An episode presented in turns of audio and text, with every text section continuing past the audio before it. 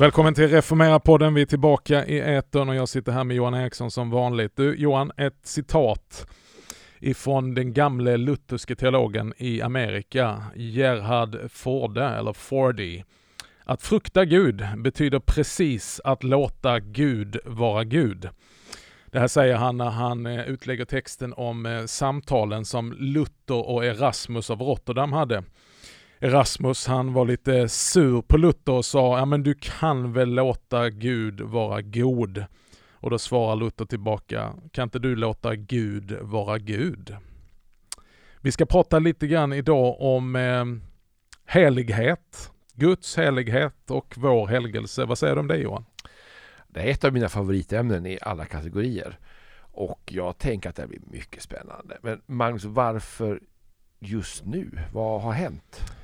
Nej men eh, det är väl alltid aktuellt. Eh, jag skulle vilja citera vår legend här på Johannelund. Agne Nordlander, han säger så här att man kan säga mycket om Gud. Man kan säga att Gud är kärlek och det har man inte fel i. Men så säger han, men om du säger att Gud är helig så har du sagt allt det går att säga om Gud.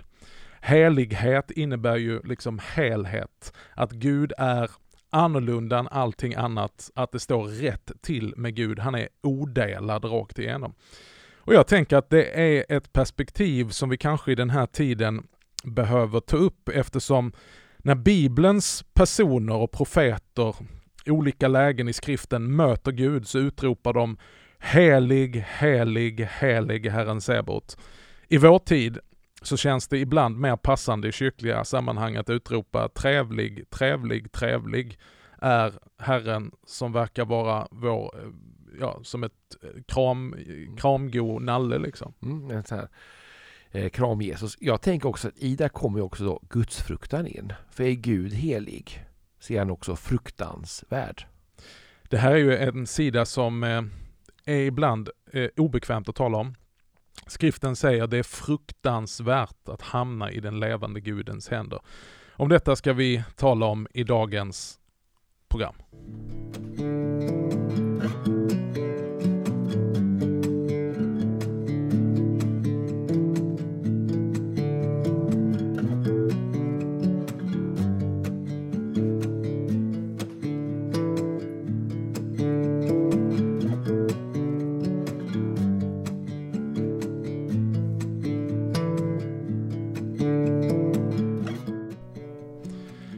Jag hörde en eh, berättelse om en professionell fotograf som såg några bilder som en eh, pappa hade tagit och lagt ut på sina barn. Och då hade han tagit det så här som vi icke-professionella amatörer gör, uppifrån, lite så här snett. Så barnen de såg ännu mindre och ynkligare ut på den här bilden. Och då säger fotografen, du ett enkelt tips. När du ska fotografera dina barn, lägg dig ner på knä. Då får du ett mycket bättre perspektiv och det blir en bättre bild. Jag tycker det är talande att i mötet med Gud så behöver vi möta honom på knävägen. På knä, inför Gud, så får vi ett mycket bättre bild och ett bättre perspektiv av vem Gud är. Och det intressanta är när Jesus ska lära sina lärjungar att be. De säger själv till honom, Mästare lär oss att be, precis som Johannes döparen har lärt sina lärjungar att be. Så börjar han med att lyfta deras blick uppåt. Vår Fader som är i himmelen.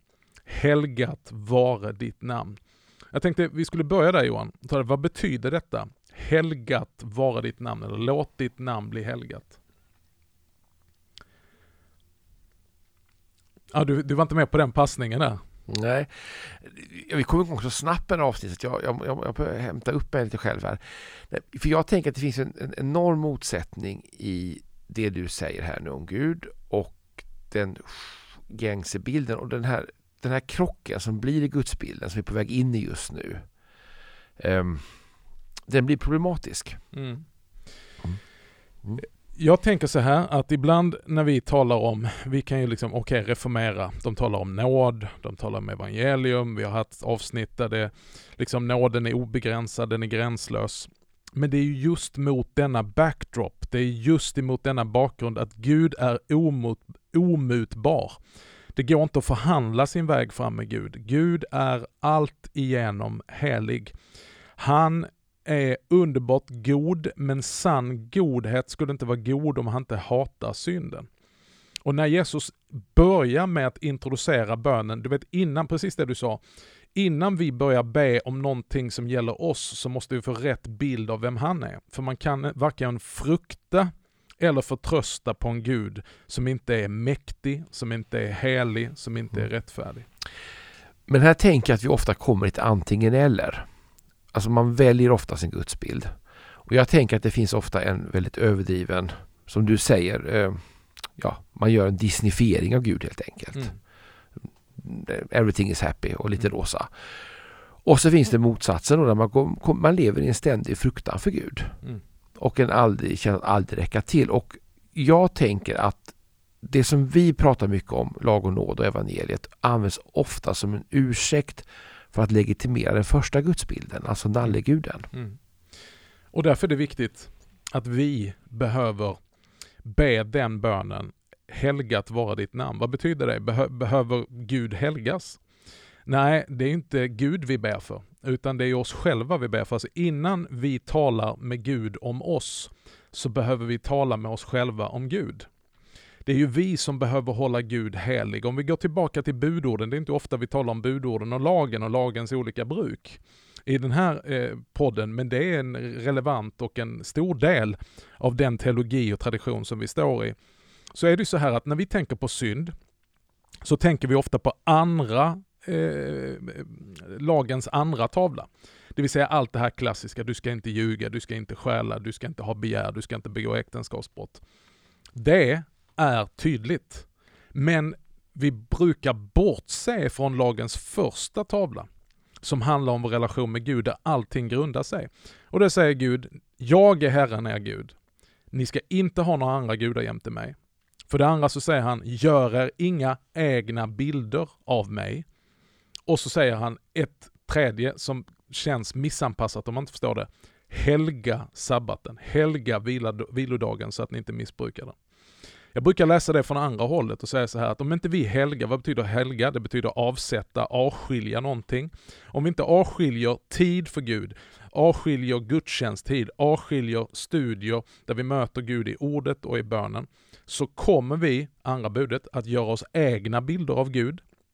De egna bilderna kommer varken förundra oss, förbluffa oss, ge oss fruktan eller förtröstan. Därför kommer vi bryta, mot första budet. Vi kommer alltså skaffa oss andra gudar. Eftersom den gudsbilden vi har skapat varken inger fruktan eller förtröstan, utan då bör vi förtrösta på någonting annat. Mm. Och då tänker jag så att, att det, alltså, svaret på det här det är att kunna leva i syndamedvetenhet eller syndanöd, att känna sin egen synd. För att genom att göra det, och, och det här är kanske då en syn som vi har svårt att känna men som är väldigt närvarande, det är just avgudadyrkan då, att göra oss egna gudar. Allt vi har vår tröst i och så vidare. Att våga erkänna det inför en helig Gud, för att där finns ju också i korset förlåtelsen. Mm. Men nåden bygger på omvändelse. Jo, det är ju så att om, om Gud inte är helig, vilket med Agne Nordlanders ord betyder att då har vi sagt allt om Gud. Alltså han är helt odelad. Han är otherworldly. Alltså han är, han är avskild ifrån allting. Han är odelad. Vi människor är ju delade. Vi säger en sak och så gör vi någonting annat. Vi säger en sak och så menar vi någonting annat. Vi, vi fuskar och så vidare. Vi ljuger och vi, vi skarvar. Men Gud, han är helt i ett enda stycke. Helt odelad. Det betyder att om inte Gud är helig, så kommer inte det vara en Gud som vi varken lyder eller tillber. Det kommer inte vara en Gud som vi fruktar eller vi förtröstar på. Och därför kommer vi också i så fall till att bryta de buden han har satt upp på andra tavlan i mellanmänskliga relationer.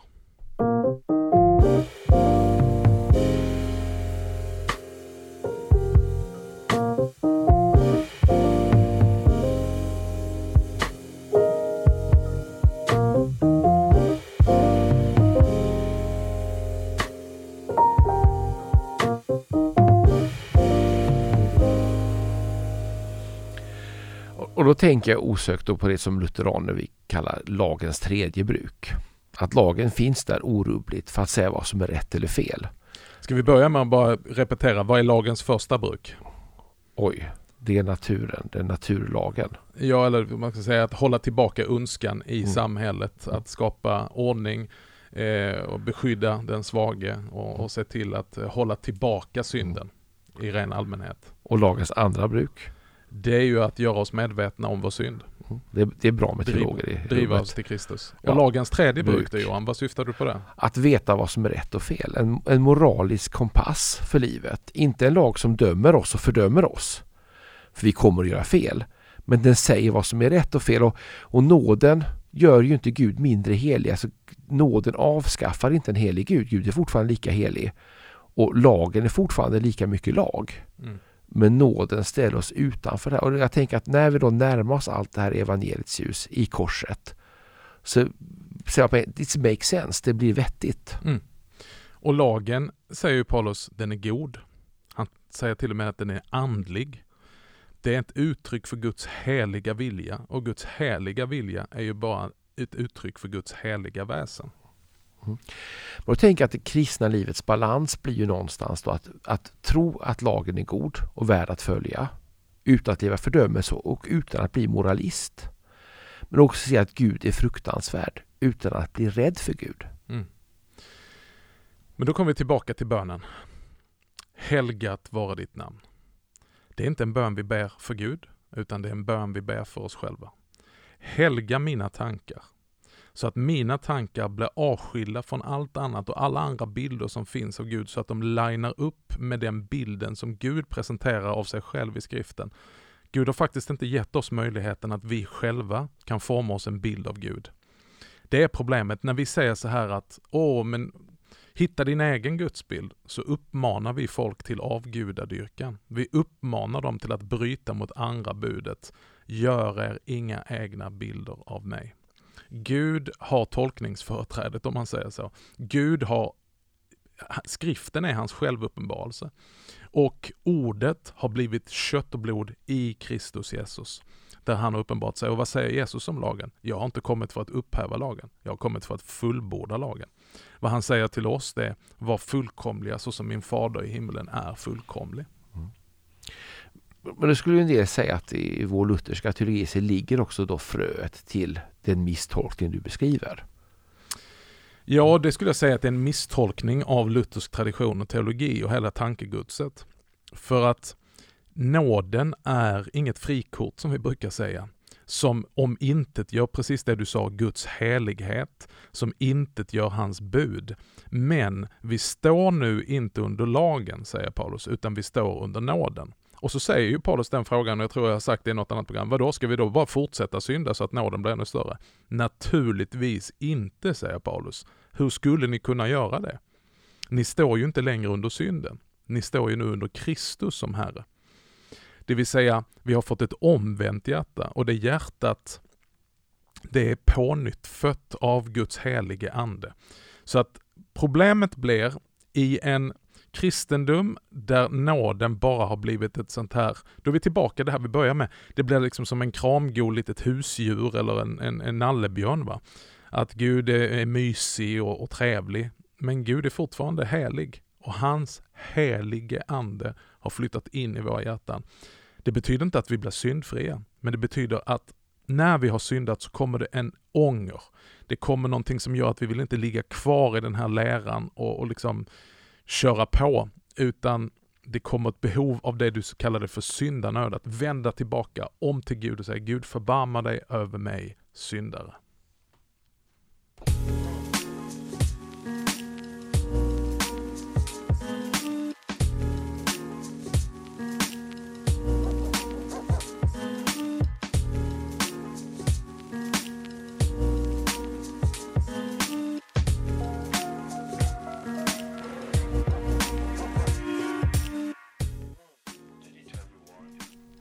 När vi nu talar om Guds helighet så kommer jag ofta att tänka på Uppenbarelseboken och Johannes, lärjungen som Jesus älskade, som lutar sig mot Jesu bröst under sista måltiden och som när han möter Jesus i Uppenbarelseboken blir livrädd och faller som död ner. Och, mm. och, och, det är samma Jesus han möter. Mm.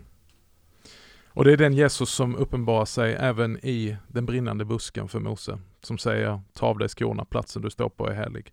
Han faller på sitt ansikte. Det är ju människans erfarenhet när vi ser den i skriften. Att när Gud uppenbarar sig så säger inte människan ”Wow!” utan de säger ve, ve mig, jag förgås. Man faller på sitt ansikte, man tror att man går under.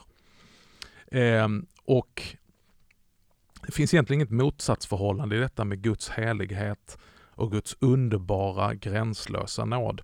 Utan ingen av oss skulle kunna bestå i Guds närvaro inför Guds heliga ansikte om det inte var för att Kristus Jesus har blivit gjord till synd i vårt ställe så att vi kan bli gjorda till rättfärdighet och klädda med hans rättfärdighet så att när vi kommer inför Gud så kommer vi inte i oss själva som om ingenting hade skett utan vi kommer i kraft av Lammets blod. Vi kommer täckta i Kristus Jesus. Det är därför det, vi talar om att leva i vårt dop. I dopet har den gamla människan gått under och blivit begraven och upp ur dopet så har den nya människan rest sig klädd i Jesu Kristi rättfärdighet. Och det här gör egentligen i mina ögon bara Gud ännu heligare. Här möter vi en Gud som faktiskt genom rättfärdiggör sin tron och sitt offer blir ännu heligare i sin helhet. Men, men då tänker jag, varför blir det så fel? Var, var kommer tankevurpan in någonstans? Ja, det, ja det, det, finns nog många olika svar på det, men jag tror att, att, att vi, vi, eh, vi har så odlat så otroligt mycket det individuella och subjektiva. Min personliga relation med Gud, min personliga bild av Gud. Ehm, så som jag upplever Gud. Jag hör ju det ibland när jag predikar så kan jag få en respons och säga så skulle aldrig min Gud säga. Så skulle aldrig min Gud göra. Och då brukar jag i all vänlighet säga att jag ursäkta mig, jag är inte säker på att jag predikade om din Gud. Inte om min Gud heller, utan om Bibelns Gud. Han som uppenbarar sig i treenighetens Fadern, Sonen och den helige Ande. Jag tänker också att vi har en sorts feel mentalitet eller vi har fått en att i vår tid så är det goda måendet upphöjt till det allra högsta, mm. bästa för oss. Och, och klart att, att konfronteras med en helig Gud men också med sin egen synd det är ju smärtsamt. Initialt smärtsamt för att det måste leda till omvändelse eller, eller så förgås man mm. i förlängningen. Mm. Och jag tror att den konfrontationen blir för mycket. Då är det lättare att säga att ja men Gud älskar ju dig. Precis som det, du behöver inte göra någonting mer än bara det är ju tufft att komma till läkaren också och konfronteras med vad som står hur det står till i kroppen. Va? Det är jättetufft att komma till läkaren och säga att ja, det, jag har ont och jag mår inte bra. Och så går man igenom röntgen och så kommer läkaren och tittar allvarligt och så visar röntgenplåtarna och säger att du har en cancertumör som växer i din kropp. Det är inte kul. Frågan är om man då ska säga till alla läkare, du, ge inte sådana besked. Tala inte på det viset. Människor kan bli kränkta. Människor kan tycka det är jobbigt. Människor måste ställa om hela sitt liv. Den planerade semester mm. eller så vidare. Va? Men där är vi ju nästan. I vi kyrkan är idag. Nästan där. Mm. Vi är nästan där. Mm. Och det är därför jag känner att behovet av att, att vi, vi, vi, vi jag tror samtidigt också att det finns en, en, en helighetslängtan. Längtan efter, vi har förlorat förmågan att förnimma den helige. För, förlorat förmågan till förundran. Eh, jag tror att det finns en utbredd trötthet på klämkäcka eh, popcornförkunnelse, one-liners, eh, även om de kan ha sin plats ibland. Eh, men de första kristna, på tal om one-liners, talar ju om att stå inför den helige är ett mysterium tremendum et fascinosium. Alltså en erfarenhet som präglas både av fasa och fascination. Och det är en one-liner som heter duga. Mm.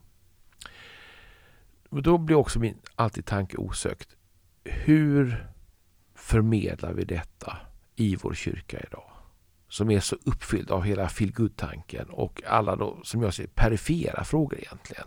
Som inte berör Guds helhet. Jag tror det är väldigt mycket med, med, med risk för att förenkla detta och, och, göra det banalt. Men jag tror att det är väldigt mycket att vi måste tillbaka till en gudstjänst, till en förkunnelse, till ett gudsliv som inte kretsar kring den oheliga tränigheten mig, mitt och mina. Och tillbaka till en kristen tro som kretsar kring Gud Fadern, Gud Sonen och Gud den helige Ande. Och, och, och, när du pratar om det, kan vi göra det då utan att till exempel då eh, omfattar Bibelns syn på livsstilskrav. Men jag tror inte man ska börja i den änden. Utan jag tror att man måste börja i att möta den helige. Det är där någonstans allting börjar. Det är där i ljuset, i hans strålglans, som vi får syn på vår egen synd, vårt eget skeva hjärta. Det är i mötet och därför så menar jag, vi kan inte forma kyrkor, gudstjänster, lovsång och förkunnelse som bara talar om mig, mitt och mina. Mitt liv, mina behov och så vidare. Absolut finns det en plats för det, men vi måste komma och börja gudstjänsten med att våra inkrökta sinnen och huvuden lyfts upp till Gud. Så att det handlar om Gud, hans makt, hans majestät. Bli förundrade av hans skönhet, godhet, barmhärtighet, suveränitet, hans helighet. Det är där någonstans det börjar. Mm. Eh, jag är helt med dig, men jag tänker också att den heligheten som Gud utstrålar då, som vi böjer oss inför, men också accepterar, måste då få ge ett återsken i oss. Mm. Annars är vi avgudadyrkare.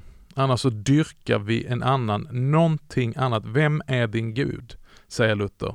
Jo, din Gud är det som du hämtar din glädje i, som du söker din tröst i, som du tar din tillflykt till, alltså den som har sista ordet i ditt liv. Om det då är mina begär, om det då är min lust, om det då är tidsandan som bestämmer vad som är korrekt, som är med och formaterar mitt liv, då är jag en avgudadyrkare och jag tror att vi är det lite till mans allihopa. Jag är en avgudadyrkare. Calvin säger att vårt hjärta, människans hjärta är som en fabrik som ständigt producerar nya avgudar. Vi tar någonting, inte alltid någonting ont och någonting dåligt, utan framförallt någonting gott som Gud har gett oss och gör det till Gud. Och försöker hämta vår tröst i det. Och det kan vara allt. Det kan vara makt, det kan vara pengar, det kan vara bekvämlighet, det kan vara eh, gåvor som vi har fått, det kan vara sexualitet. Och sådana är vi människor. Mm. Och, och då måste vi leva i en daglig omvändelse. Guds selighet måste ju få mig att varje dag vända mig till honom mm. för att ta emot nåden, för att söka nåden, för att kunna vara i heligheten. Och blir inte det ett ganska komplicerat liv? Är det inte lättare bara att säga jag är ju förlåten, jag är döpt? Det är komplicerat att vara människa, hur man än väljer eller vänder och vrider på det. Det är väldigt komplicerat och svårt och skevt att bara följa alla sina egna eh, begär eh, och, och lusta. Det, det, är inte mindre komplicerat. Men absolut handlar det om att gå mot strömmen. Det handlar om att gå mot vår syndiga natur. Men det som får oss att göra det, det är inte någon form av tvång Eh, lagens krav, utan det är ju att det börjar med att vi har fått ett hjärta som har vänts rätt. Vi har varit med om omvändelsen, vi är riktade mot Gud och vi längtar efter denna förändring. Problemet är ju att om vi inte längtar efter förändring så kan vi inte piska fram den, utan då måste vi tillbaka och möta Gud i förundran. Vi måste bli förtvivlade över vårt liv och säga jag är inte som jag borde vara. Synden gör oss inte mänskliga, den gör oss omänskliga. Och vi längtar och ropar alla efter upprättelse. Mm. Då tänker jag två saker. Att det, dels behövs ju den personliga omvändelsen, att vara känslig för sin egen omvändelse, att känna synden faktiskt. Men också gudstjänstlivet, att utsätta för den kristna gemenskapen, att mm. höra predikan, att bekänna sina synder i gudstjänsten. Att, höra, alltså att det finns ett behov av att jag utsätter mig också då för Guds helighet. Precis. Och eh, låt oss sluta med att det faktiskt börjar där. Mm.